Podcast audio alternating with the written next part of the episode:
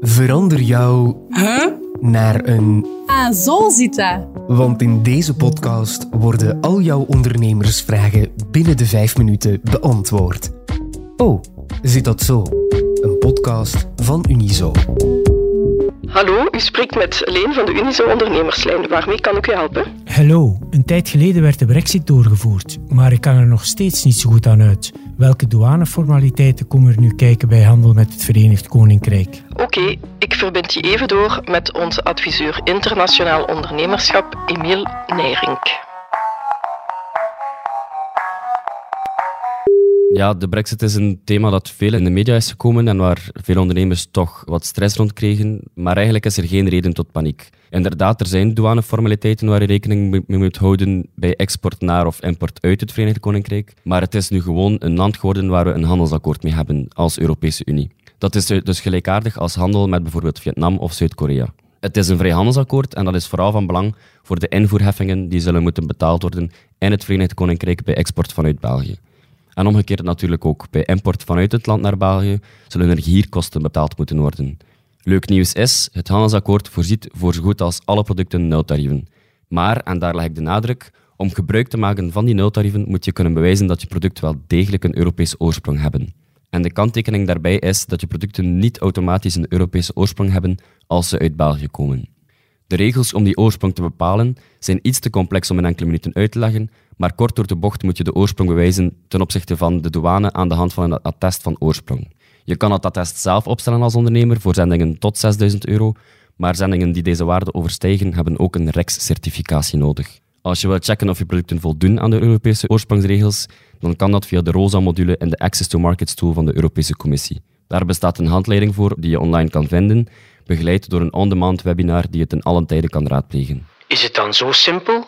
Is dat het enige waar ik rekening moet mee houden? Goh, veel hangt eigenlijk af van het feit of je al dan niet de import doet van je producten in het Verenigd Koninkrijk of dat je klant hiervoor verantwoordelijk is. Als je gewoon gaat exporteren en dus de goederen niet zelf zal invoeren in de UK, dan volstaat een Belgisch btw-nummer. Maar ga je ook invoeren in het Verenigd Koninkrijk, dan heb je ook een lokaal btw-nummer nodig. Eentje uit de UK dus. Nog belangrijker is qua douane dat je een identificatienummer nodig hebt bij de Belgische douane om te exporteren naar derde landen. Dat Belgisch nummer is het befaamde EORI-nummer. Mocht je dat nog nodig hebben, maar er niet over beschikken, moet je het dus wel aanvragen. Je hoort me weer komen. Wanneer jij de producten invoert in het Verenigd Koninkrijk, moet je ook een Brits EORI-nummer hebben. Dat is eigenlijk jouw identificatienummer langs Britse kant. Gelukkig is die aanvraag daarvan vrij eenvoudig, maar een andere optie is ook om je te laten vertegenwoordigen door een Britse douanevertegenwoordiger. Voor het vertrek van jouw goederen zal je ook nog een uitvoeraangifte moeten indienen via het systeem van de douane. Dat is de PLDA. De uitvoeraangifte gebeurt via het enige document, maar opnieuw, hier kan je een douanevertegenwoordiger voor inschakelen. Zijn er dan ook nog specifieke producteisen waar ik op moet letten? Ja, voor sommige producten heb je een gezondheidscertificaat of een fytosanitair certificaat nodig en een voorafgaande kennisneming van het Britse systeem IPA FFS. Dat is bijvoorbeeld nodig voor levende dieren, voor potbare planten, sommige zaden en hoogrisicovoedingsproducten die onder andere pesticides bevatten. Het is de invoerder die dat certificaat zal nodig hebben om de import van het product te kunnen doen. En deze certificaten kunnen bij ons worden afgeleverd door het FAVV of het Federaal Agentschap voor de Voedselveiligheid. Daarnaast stond de CE-productmarkering aan dat het product geëvalueerd werd en beantwoord aan de Europese vereisten. Denk daarbij aan de veiligheid, gezondheid en bescherming van het leefmilieu.